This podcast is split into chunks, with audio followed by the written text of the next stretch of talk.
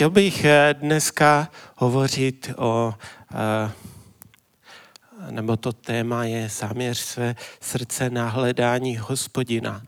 A to, eh, z čeho čerpám, je druhá Paralipomenon, 12. kapitola. A ona je dost dlouhá, takže já bych to asi nečetl a řeknu to tak to, co tam je, stejně pak budu nějaké verše z toho budeme promítat. Je to o králi Rechabeámovi a je to o tom, když král egyptský Šíšak uh, útočí na Jeruzalém a to, co se stalo. Uh, Rechabeám, král Rechabeám byl synem Eh, krále Šalamouna, kterého všichni znají. Byl to král, který byl obdarován moudrosti, ale to takovou, že přicházeli eh, daleka se dívat na tu moudrost a nejenom to, Bůh eh, dal mu i bohatství. A my čteme o dvě kapitoly dříve, tedy v desátém v desáté kapitole, že měl 12 eh, tisíc jezdeckých koní, ten Šalamoun, 4 tisíce koní k vozům, to je vozy, to znamená takový celkem slušný autopark pro jednoho krále. První královská 10.27 a dále je napsáno, že král měl v Jeruzalémě stříbra jako kamení a cedru jako planých víků, jakých roste mnoho v přímořské nížině. Koně, které měl Šalomón, přicházely z Egypta, karavany královských překupníků kupovali stáda koní za pevnou cenu. Vůz se vyvážel z Egypta za 600 šekelů stříbra a kuň za 150. Jejich prostřednictvím se vyváželi všem králům chetejským a aramejským. Takže tyto verše nám mají nastínit, jaká v tehdejší době byla eh, kupní síla, jaká byla nabídka, jaká byla poptávka pro ty královské překupníky, ty obchodníky stáda koně, stádo koní kupovali za pevnou cenu. Takže ne, že by tam byl, že se dívali, ten je lepší, ten je horší, ten je dražší, ten levnější. Pevná cena za stádo. Hmm. 150 šekelů stříbra bylo asi 2,4 kg, takže za tolik šlo toho koně pořídit a vůz za 9,6 kg stříbra. Takže hodnota stříbra je dnes asi úplně někde jinde, než tehdy, když ho tam měli jako kamení. Ale tak jsem si to představil, že kdybyste v Olze měli chuť nazbírat v tehdejší době 2,5 kg kamení, to znamená jeden kámen, tak by to asi bylo, že si koupili koně. Eh, a pak to prodávali králům chetejským, aramejským, tam už není napsáno za kolik, ale to už je obchod. Takže chápu, že je to obrazně, ale má nám to naznačit a ukázat, že vlastně ten Šalamoun mohl mít koniu jako maku. A to, že tam měl 12, vlastně 16 tisíc koní, tak to, to, to bylo také jenom něco. A má to nastínit to nesmírné bohatství, které Šalamón měl. Nikdy nebylo izraelské království v té době tak bohaté, jak za krále Šalamóna. A tady král Rechabeám, o kterém čteme ve 12. kapitole, toto bohatství všechno zdědil. Že on se posadil na, kru, na trůn, to byl jeho syn, Šalamón zemřel a Rechabeam toto zdědil a teďka co s tím tolik toho měl. A tam je napsáno v tom prvním verši, že když se jeho království, tedy Rechabeamovo, upevnilo a utvrdilo, když si uvědomal, uvědomoval tu svoji zajištěnost, to bohatství, že vlastně všechno má, tak tam je napsáno, že se jeho srdce odklonilo od vlastně zákona, od božího slova a začal konat zlo. A pak v té kapitole čteme o tom, že vytáhl král egyptský šíšak, pozbíral mu všechno zlato i všechno bohatství z chrámu, i z království vzal i zlaté štíty, které zhotovil Šalamoun.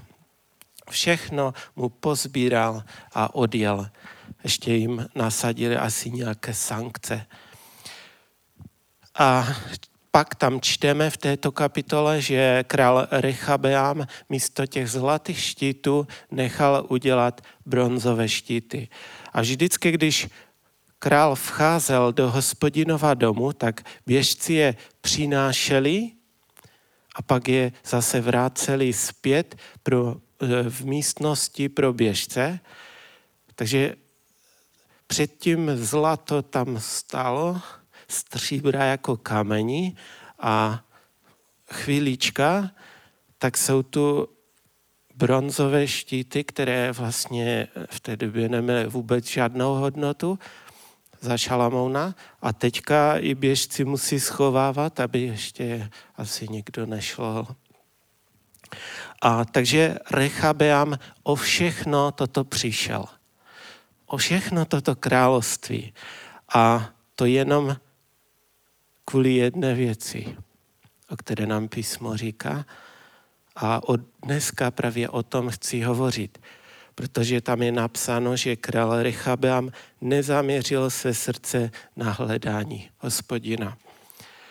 To potěšující, co je, je, že se pokořil a před Bohem, schopil se pak a ještě královal dál. Takže to první místo, které z té naší 12. kapitole chci přečíst, je takže druhá paralipomenon 12.14. Tam je napsáno, že dopouštěl se toho, co je zlé, neboť se nedotazoval hospodina upřímným srdcem. To říká ekumenicky a studijní říká, že páchal to, co je zlé, neboť nezaměřil své srdce na hledání hospodina. Kdybychom, kdybych se vás zeptal otázku, proč lidi dělají zlo, že? Proč člověk koná zlo? Zlo okolo nás je mnoho zla, lidi jsou svárliví, závidí si, hněvají se, čarují, nenávidí, křík, zlořečení, krádeže, vraždy.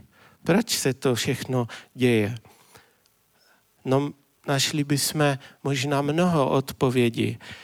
Řekli, jeden by řekl, neba, nebojí se Boha, neznají Boha, nemají boží bázeň, jsou padli v hříchu, máme starou přirozenost, že?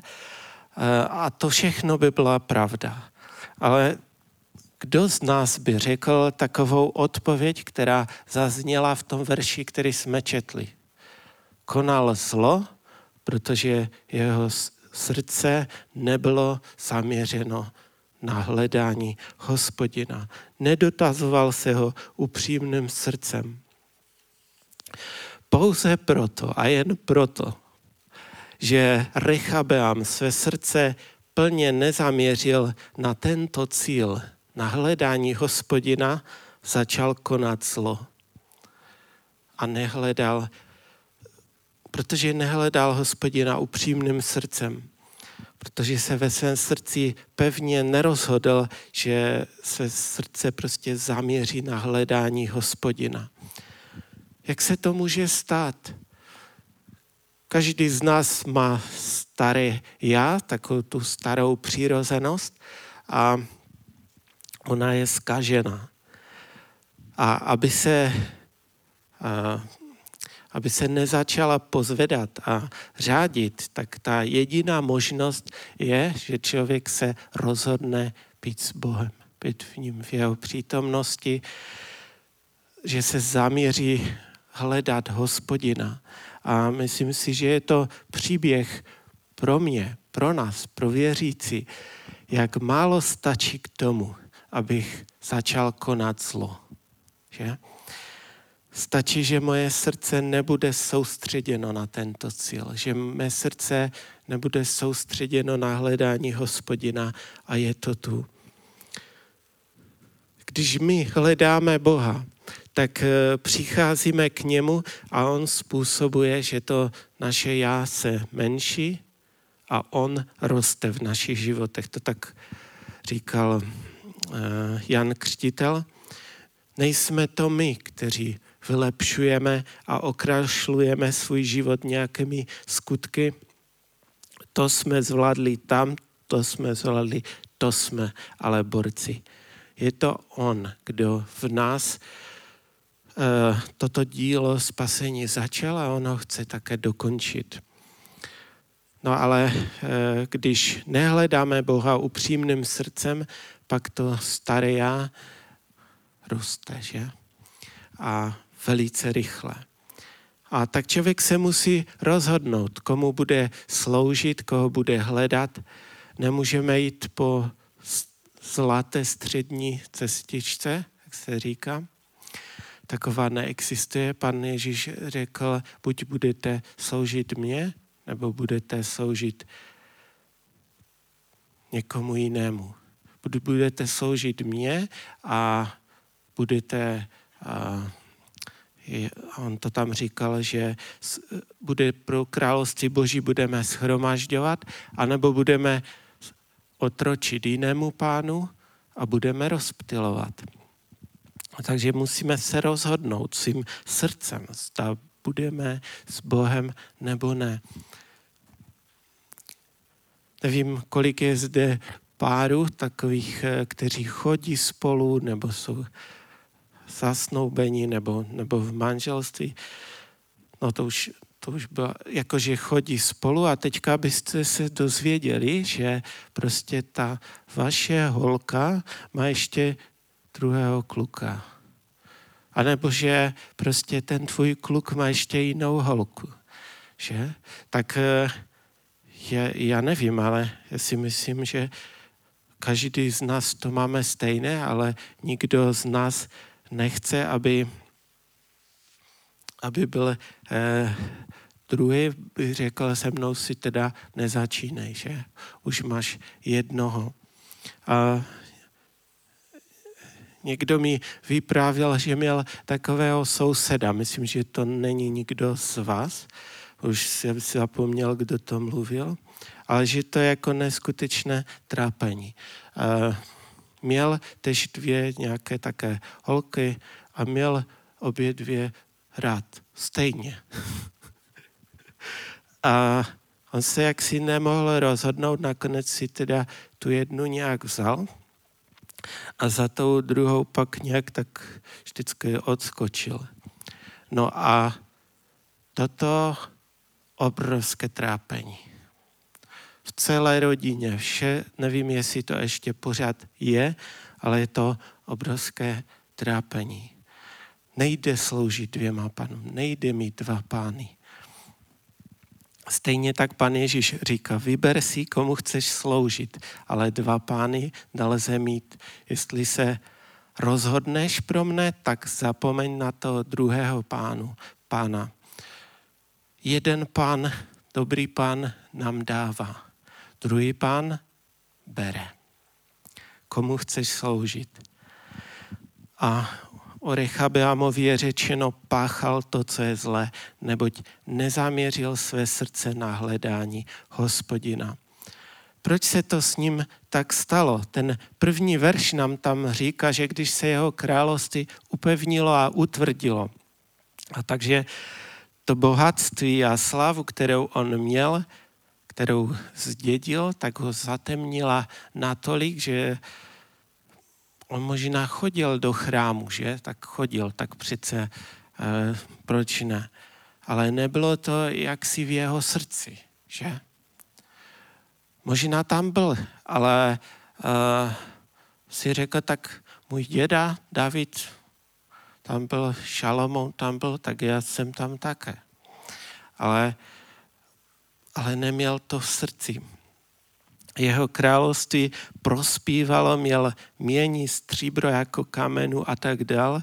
Měl dostatek chleba, měl ten sebejistý klid, jak píšeme, eh, čteme o Sodomě.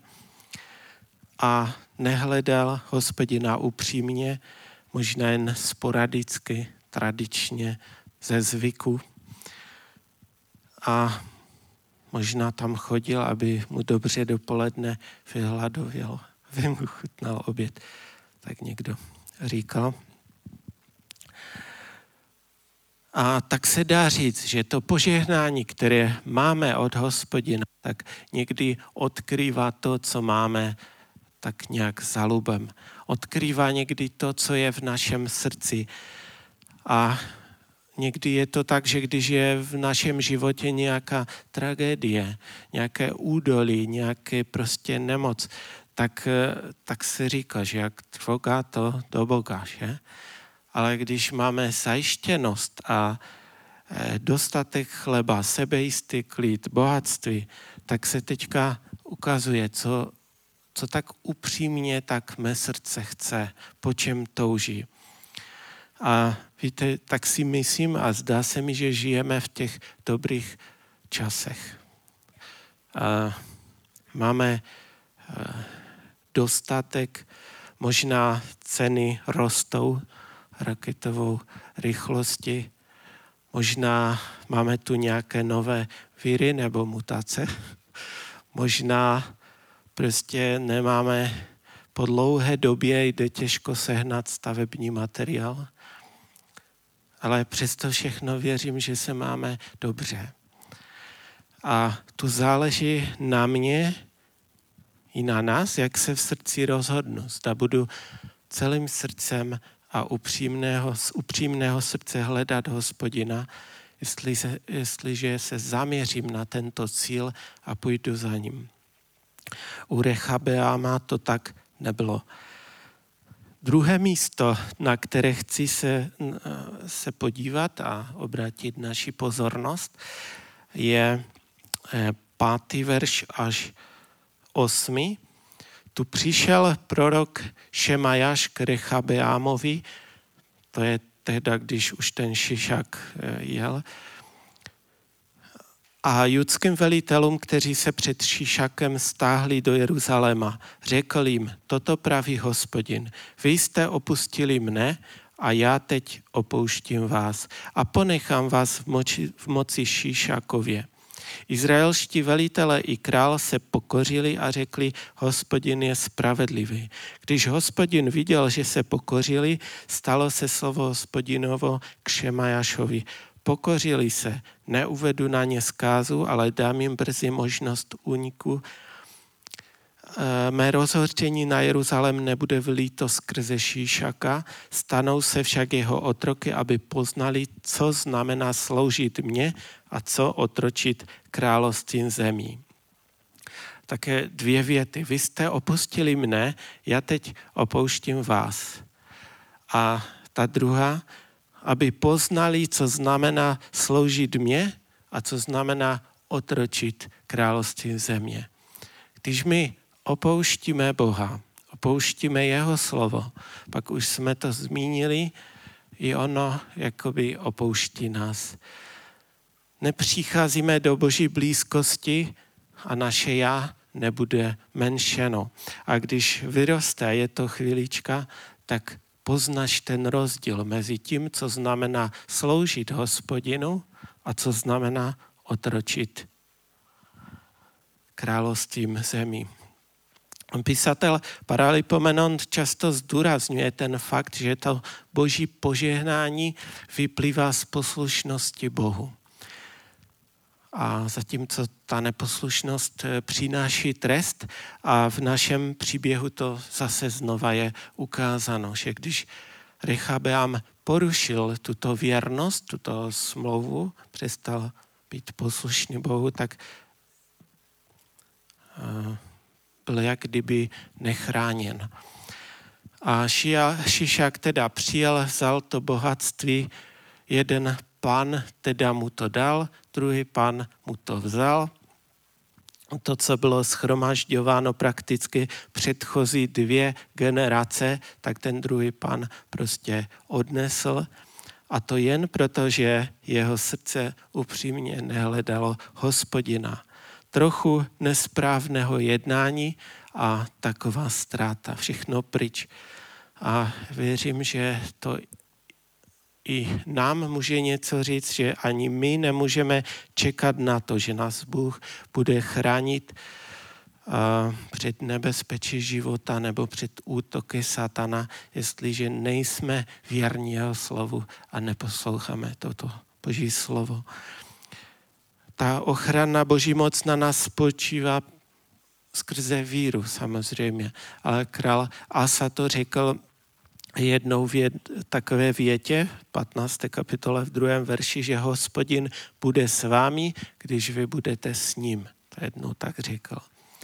A když teda Rechabeam viděl, že je to všechno pryč, tak to začal nějak řešit a, a udělal prostě místo zlatých bronzové štíty, aby bylo vidět, že nějak dál fungujeme že dál žijeme, ale i tak zase bych to mohl přivést do toho duchovního rozměru, že to, co bylo zlaté, co bylo čisté, a my víme, že v božím slově křesťané jsou eh, přirovnaní k soli, že pak ke světlu, nebo také ke zlatu, které je pročištěno. A to znamená, eh, to je všechno práce Ducha Svatého, ne naše, to není naše bohatství, ale to znamená také, že ten, který upustil od těch božích cílů ve svém životě, a, takže to, co bylo tou solí se z větra, to, co bylo světlem, je možná nějak přikryto, nebo to zase To, co bylo zlaté, může být odneseno nebo se překuje na bronz.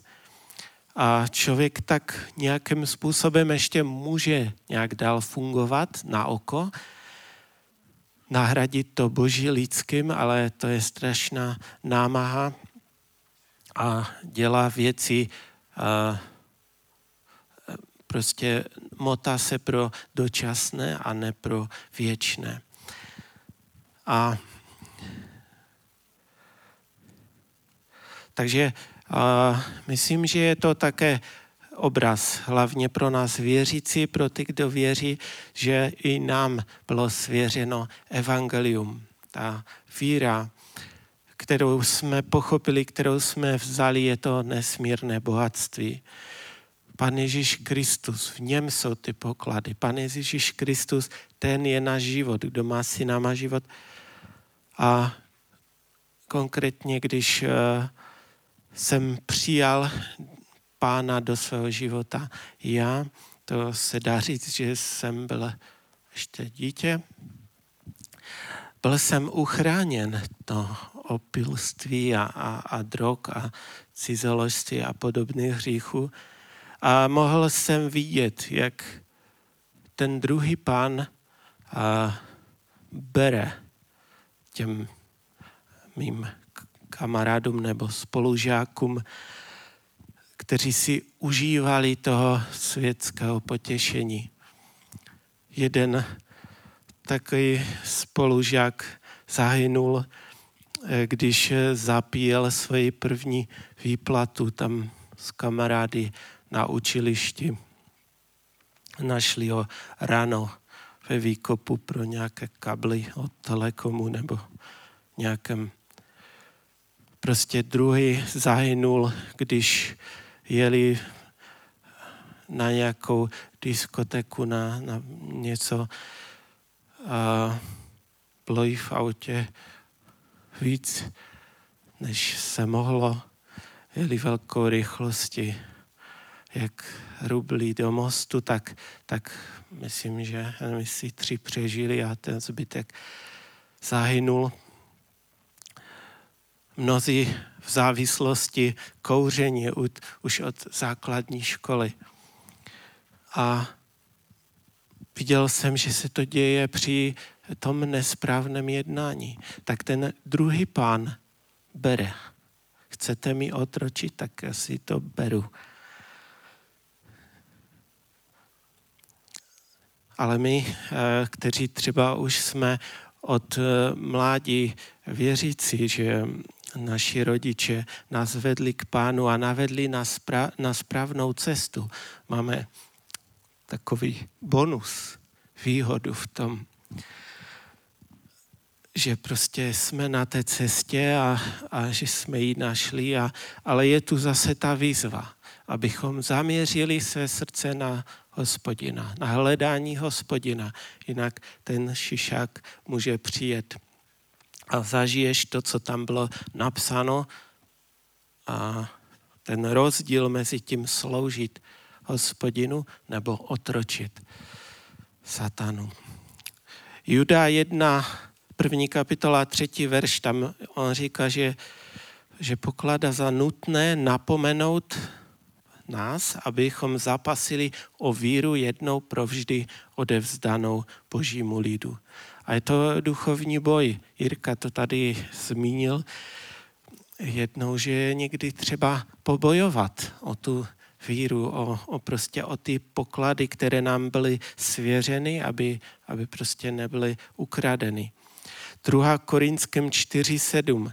Tento poklad máme však v hliněných nádobách, aby bylo patrno, že tato nesmírná moc je boží a není z nás.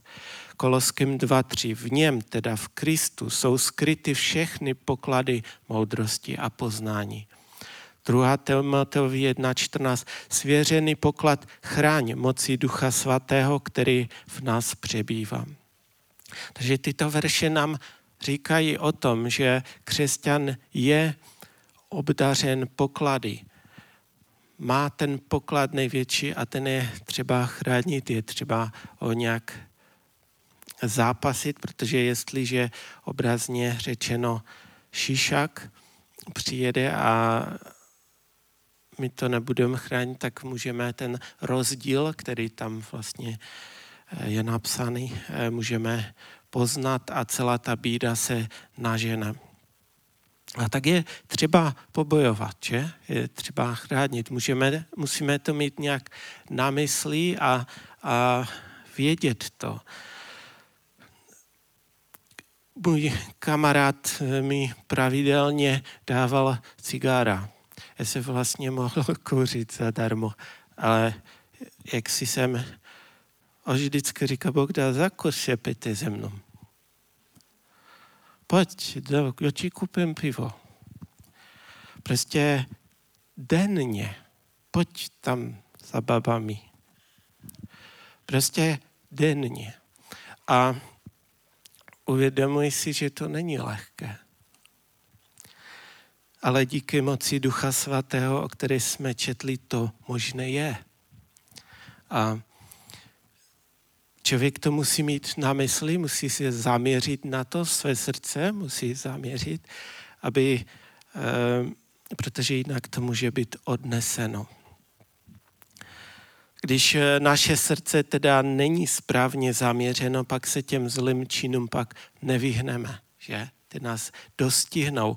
Rechabeam věřím, že nevyhledával zlo, že prostě e, myslím si, že potom nějak netoužil nebo něco. On ho prostě dostihlo, protože nehledal Boha upřímným srdcem. Pustil se té ochrany a poznal, co to znamená sloužit hospodinu a sloužit eh, těm královstvím zemí nebo otročit. A takže z toho plyne to ponaučení, že je třeba mít správný cíl v životě, teda hledat Boha upřímným srdcem. Je třeba se proto rozhodnout a za tím cílem stále jít po celý svůj život až do mé smrti, tak to je třeba mít na zřeteli neopouštět Boha, abych nebyl okraden. Je jisté, že Bohu záleží na tom, a ne v jakém stavu jsi, že? mm, každý z nás je v nějakém jiném stavu, jako než v jiném stavu, v jiné také pozici, to není možné, aby každý v jiném stavu. Ale že Bohu záleží na tom, pro co se rozhodl, že Bohu záleží na tom, jak to máš v srdci. Ne v jakém si postavení nebo pozici.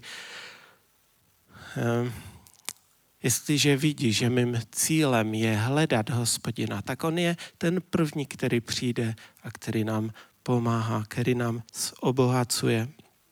A takže tento cíl má mít křesťan stále před sebou, zaměřit se na to, hledat ho upřímným srdcem, protože jde žít bez cíle, že? Takový klasický bezdomovec nám to může být příkladem. Jít někam jdeš, ne, nevím kde, tak jde. Práce, proč práce? Stanu, kdy chci, lehnu, když chci, ale pak to finále je jenom možná starost o toho člověka. A takže je dobré mít ten cíl, ten dobrý cíl, hledat Boha upřímným srdcem a za ním jít. Jaký máme cíl? Proč jsme přišli dneska? Je to proto, že se ti tu líbí nějaká holka? Že se ti líbí nějaký kluk a, a říkáš si, jo, to by byl fajný manžel. Já ti to přeju, ať se tak stane. Když najdeš tu ženu bojící se Boha, když najdeš to modlícího se muže, ať se tak stane, to budu podporovat vždycky. Dej to, pane, našim svobodným bratřím a sestrám ale to nemůže být hlavní cíl, proč jsme přišli tady.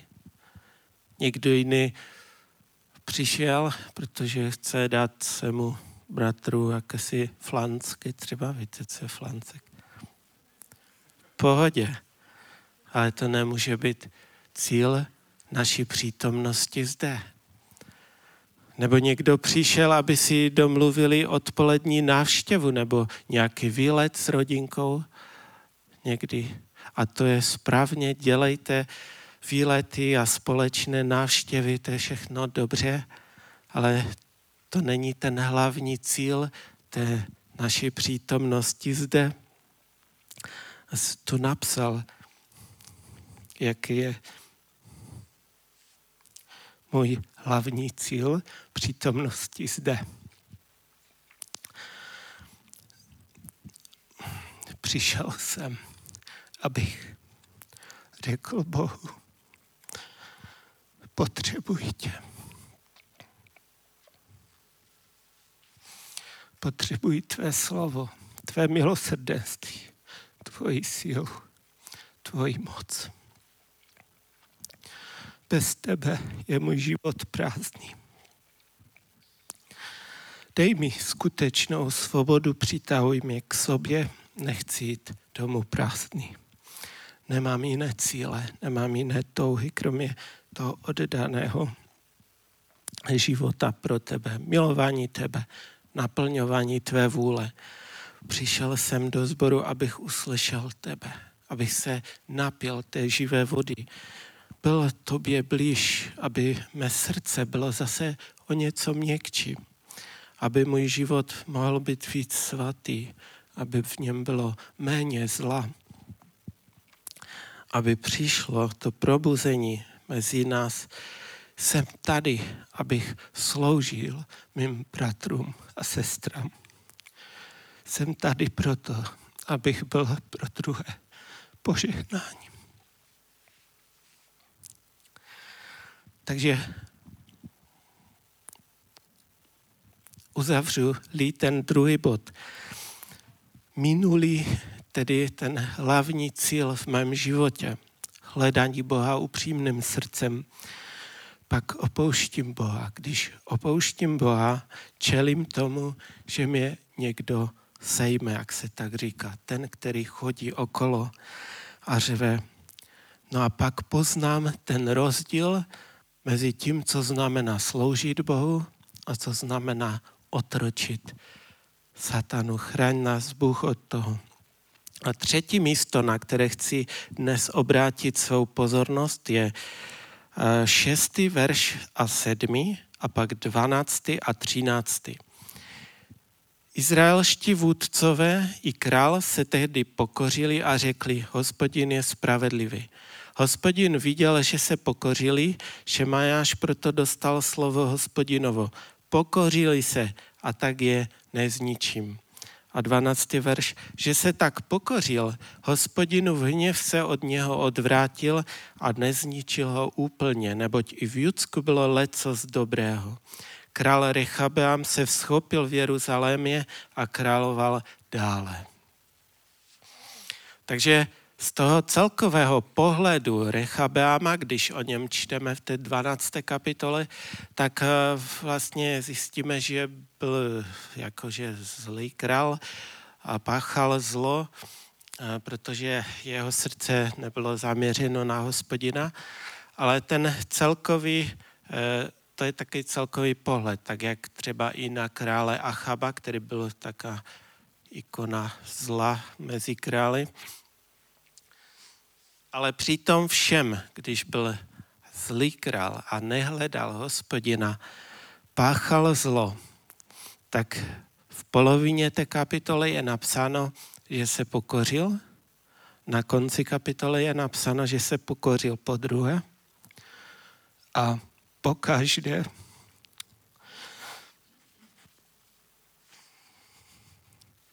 v obou případech Bůh na to reagoval.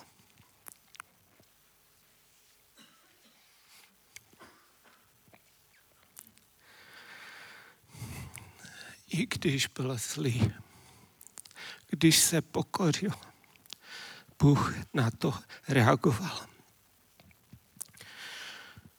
V tom prvním případě na něho přišel strach, protože jak jsme četli, že prorok za ním přišel a řekl mu, Bůh tě opouští. Já nevím, co bych já dělal, kdyby přišel prorok a řekl, Bůh tě opouští. Ale Reachabám věděl, co má dělat. Pokořil se. A když se pokořil, Bůh je nenechal šišakem zničit. V druhém, v druhém případě čteme o tom, že král se před Bohem pokořil, protože nejen v Jeruzalémě, ale i v Judsku, eh, tam také král Rechabeam královal, se našlo něco dobrého a Rechabeam se pak eh, schopil a dál královal. A to spojení také, že se nenašlo, že se našlo něco, něco dobrého, co tam je řečeno, najdeme také právě ve spojení s králem Achabem, že se našlo něco dobrého. A to čteme v 2. Paralipomenon 19.3. Přece však se na tobě našlo i něco dobrého, je řečeno Achabovi. Odstranil si země, ze země posvátné kuly a dotazoval se z Boha upřímným srdcem. Studijní říká, a zaměřil si své srdce na hledání Boha. Tak věřím, že tady v tom něco dobrého je přesně ono. Že Rechabeam si uvědomil, že jeho srdce je zaměřeno možná na Boha třeba jen ve volném čase, o víkendu, že to prostě mu je, jako, že to je jakási volnočasová aktivita.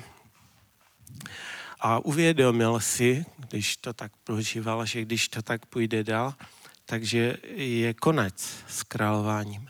A on se pokořil, teda zaměřil své srdce znova zpátky na hledání hospodina, jestli to kdysi na začátku měl, a Bůh mu dal milost, nebyl zničen. Schopil se a královal dál byť byl oloupen, schopil se a královal dál. A zase z tohoto obrazu můžeme eh, vytáhnout lekci a to tu, že když se člověk pokoří, pak se Bůh smilovává. To, to vždycky tak je. Po jednou, po druhé, po třetí padneš. Ale pokud se pokoríš, Bůh se smilovává. On je věrný.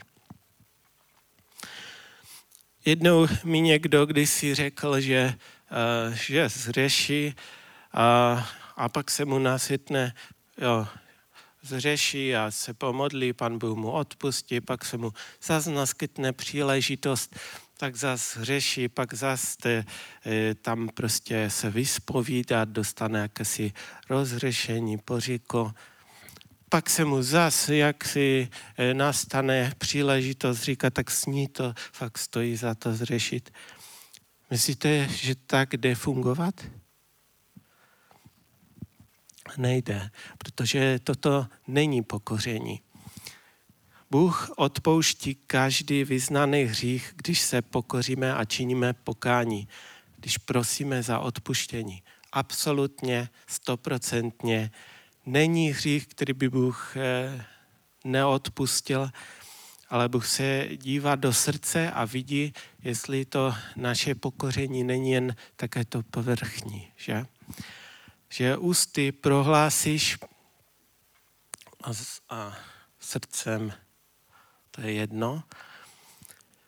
A on se dívá na to, jestli se rozhodl srdcem, protože někteří činí pokání, tam možná někde klečí a vyznávají hříchy, ale už v hlavě mají plán, co za ničemnost provedou. A toto pokoření není. Protože pokoření je, že člověk srdcem se rozhodne a obratí ten směr svůj. Takže ten král Achab, který byl brán jako, že to je ukázka zla v Izraeli, když se pokořil, když jeho srdce bylo upřímně zaměřeno na hospodina, učinil nějaké skutky, které to dokazovaly, protože tam je napsáno, že tam eh, pokácal ty sloupy nějaké. Takže věřím tomu, že náš král Rechabeam, o kterém hovoříme, byl na tom podobně, že znova a upřímně se zaměřil na hledání hospodina a pak také to bylo vidět i jeho skutky. Tam bylo napsáno, že i v Judsku se našlo něco dobrého, takže nejenom u něho doma, ale i v Judsku viděli, že král činí pokání a i oni to prostě, když on činil pokání, tak vlastně všichni, že? A takže závěr z tohoto eh, bodu je, že s, eh, když se člověk před Bohem pokoří, vyzná mu své hříchy, odevzdá se mu do rukou, tedy svým e, srdcem se nebo jakože se zaměří na hospodina, pak Bůh si to nemůže nevšimnout a nenechá to tak. A taky pokořený člověk, který hledá hospodina, tak on prostě, jak vypadá, že on prostě říká, pojďme do shromáždění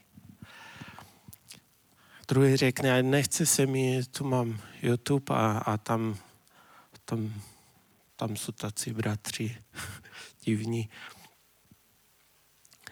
Ale on řekne, to jsou přece mi milovaní bratři. Oni mi pomáhají zjistit, jestli jsem křesťan nebo nejsem křesťan.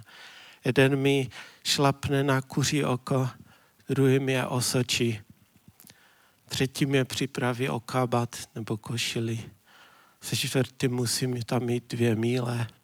A hned se vidí, jestli jsem křesťan nebo ne. Jestli prostě ta má víra nebo to upřímné srdce eh, rozhodnutí, rozhodnutí se hledat hospodina z upřímného srdce, jestli je fakt, nebo to je jenom tak, jakože to říkám. To je taková rozcvička předtím, než jdeme do práce nebo do školy. A ty zjistíš, tak a teď zase mi to staré já vyskakuje, že? A možná máš, nebo možná spoustu nějakých jízev, třeba můžu já mít na srdci, které jsem obdržel od svých milovaných bratří a sester, kteří byli třeba mi blízko a podrazili mě. Ale právě tímto přispěním mi pomohli odhalit, co ve mně je. Jak to někdo řekl, abych pochopil, že ta hlavní role už je obsazena. A já se můžu tak akorát být tím, který se podřídí Bohu a nechám se vést. Římanům 12.1 je napsáno, vybízím vás, bratři, pro boží milosrdenství, abyste sami sebe přinášeli jako živou svatou Bohu milou oběť, to ať je vaše pravá bohoslužba. Pravá bohoslužba teda je v tom, že jako já živý, svatý, se přinesu v oběť Bohu. Že? A oběť to je něco, co bolí, co není zadarmo, co není jenom tak, že se řekne. Oběti věřím, že nebylo nic nějak příjemného. A jestliže mé srdce nebude nastaveno na to upřímné hledání Boha, eh, pak ty všechny oběti budou nějaké aktivity, které vlastně možná podpoří to mé já, ale pokořený člověk to má jinak. Že? Pokořený člověk uh, bere, ten, který se před Bohem pokoří, se bere Boží slovo. Ten ho čte. A tu nejde o to, že uh, čteme Boží slovo, abychom mohli říct pastorovi, že jsem četl dvě kapitoly dneska. Nebo že na mládeži řekneš, já jsem četl, takže jsem z obliga.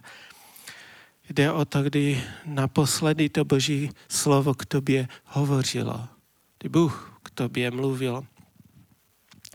Protože když se to tak bude dít, pak když eh, Boží slovo začne promlouvat, pak budeš ho chtít číst i v práci na svačině někdo četl to taká. Pokořený člověk se také nesrovnává s druhými, že? Ten, který hledá Boha upřímným srdcem, ne, nějak to neříká se, dáří se mi nebo se mi nedaří, jak je to, protože Rechabeam by se mohl srovnávat, on by exceloval, že? Jak se mu to dařilo, jak má v království plno šut, uh, stříbra, že? Jak šutru. Bylo to sice cizí peří, ale zdá se, že se mu všechno dařilo ve škole, v práci, co, co chtěl, ale nehledal Boha, nezaměřil své srdce na hledání hospodina a tak nám dal špatný příklad. Protože někomu se nemusí vůbec dařit. Někdo nemusí prospívat dobře, ale záleží, jestli je jeho srdce zaměřeno na Krista, na hledání Boha. Jestli je mu poddán, jestli je pokořen. A to situaci mění, že to mění situaci. Protože Bůh je živý, On říká, že ho máme hledat, ale to neznamená, že se schovává a my ho musíme najít někde. Ale že on je náš otec a on chce být s námi prostě blízko, že chce být v naší přítomnosti. Takže to pokoření spočívá v tom, že člověk si srovná ty priority a cíle mm, a začne z upřímného srdce hledat hospodina. Zaměří se srdce na Boha a podle toho slova také jedna. Takže teďka bych to ještě zhrnul král Rechabea měl hezký start. Hned na začátku nafasoval všechno, co se dalo, ale nemohl obstat a nemohl, protože ve svém srdci se pevně nerozhodl hledat hospodina, nezaměřil se na to a proto přišel Šišák, vzal mu to a tak on pak musel nahrazovat zlato bronzem, lepil tak Eh, různě ty věci, než se pokořil ten hospodinův hněv, se odvrátil, Rechabeam se vzchopil a v Jeruzalémě královal dále. A kdybych to přirovnal na křesťanský život, když uvěříme v Pána Ježíše Krista, poznáme ho, učiníme pokání, vyznáme ho jako Pána a Spasitele, pak obdržíme radost, kterou nikde nemůžeme nafasovat. Obdržíme pokoj, který nikdy nenajde člověk. Obdržíme lásku, obdržíme požehnání, obdržíme ten hlavní poklad, ve kterém jsou všechny poklady. E, I materiálně Bůh žehná. Ale jestliže ten to člověk nebo i já se nerozhodne hledat Boha upřímným srdcem, tak jak to udělal Rechabam, e, pak může o všechno přijít. Začne konat zlo, no, právě jenom kvůli tomu.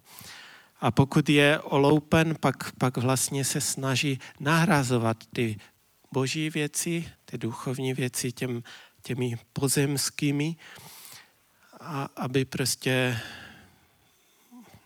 prostě hledá nějaké fanoušky, kteří go pochválí, prostě hledá zemské potěšení, zemskou radost, protože ten poklad je pryč. A to je o ničom, to je cesta z kopce, ale naštěstí nám tato 12. kapitola ukazuje to, že Rechabeam se pokořil před Bohem a znova začal hledat hospodina celým svým srdcem a hospodin mu dal, že se schopil a že královal dále a tak to také platí i pro nás. Jestliže jsme zhřešili, jestliže jsme padli, jestliže naše srdce je zaměřeno na kde co, ale ne na hledání hospodina, není na to zaměřeno, pak eh, je tu cesta. Pokořme se před Bohem pod jeho mocnou ruku. Změníme své priority a cíle a zaměřme se znova na hospodina. On je ten, který odpouští naše hříchy, obnovuje znova eh, nám dává milost a přízeň, pomůže nám také i s následky, které jsme v jinou hříchu učinili. A tak jenom řeknu, komu patří můj život, tvůj život. Bohu nebo mě samému? Dejme ten život Bohu tak na 100% a On se oslaví v našich životech. Jest tak snažím dělat každý den. Tak říkám, pane, i dnes chci za tebou, i dnes tě chci mít jako prioritu. I dnes tě chci mít jako svůj cíl. Keště i dnes svým životem oslavím, když se bude dařit, nebo se nebude dařit, to je vedlejší. Hlavní je, abych tě nestratil z dohledu, aby mé srdce bylo stále zaměřeno na tebe, a měl tě stále před očima. Zaměř své srdce na hledání hospodina. Amen.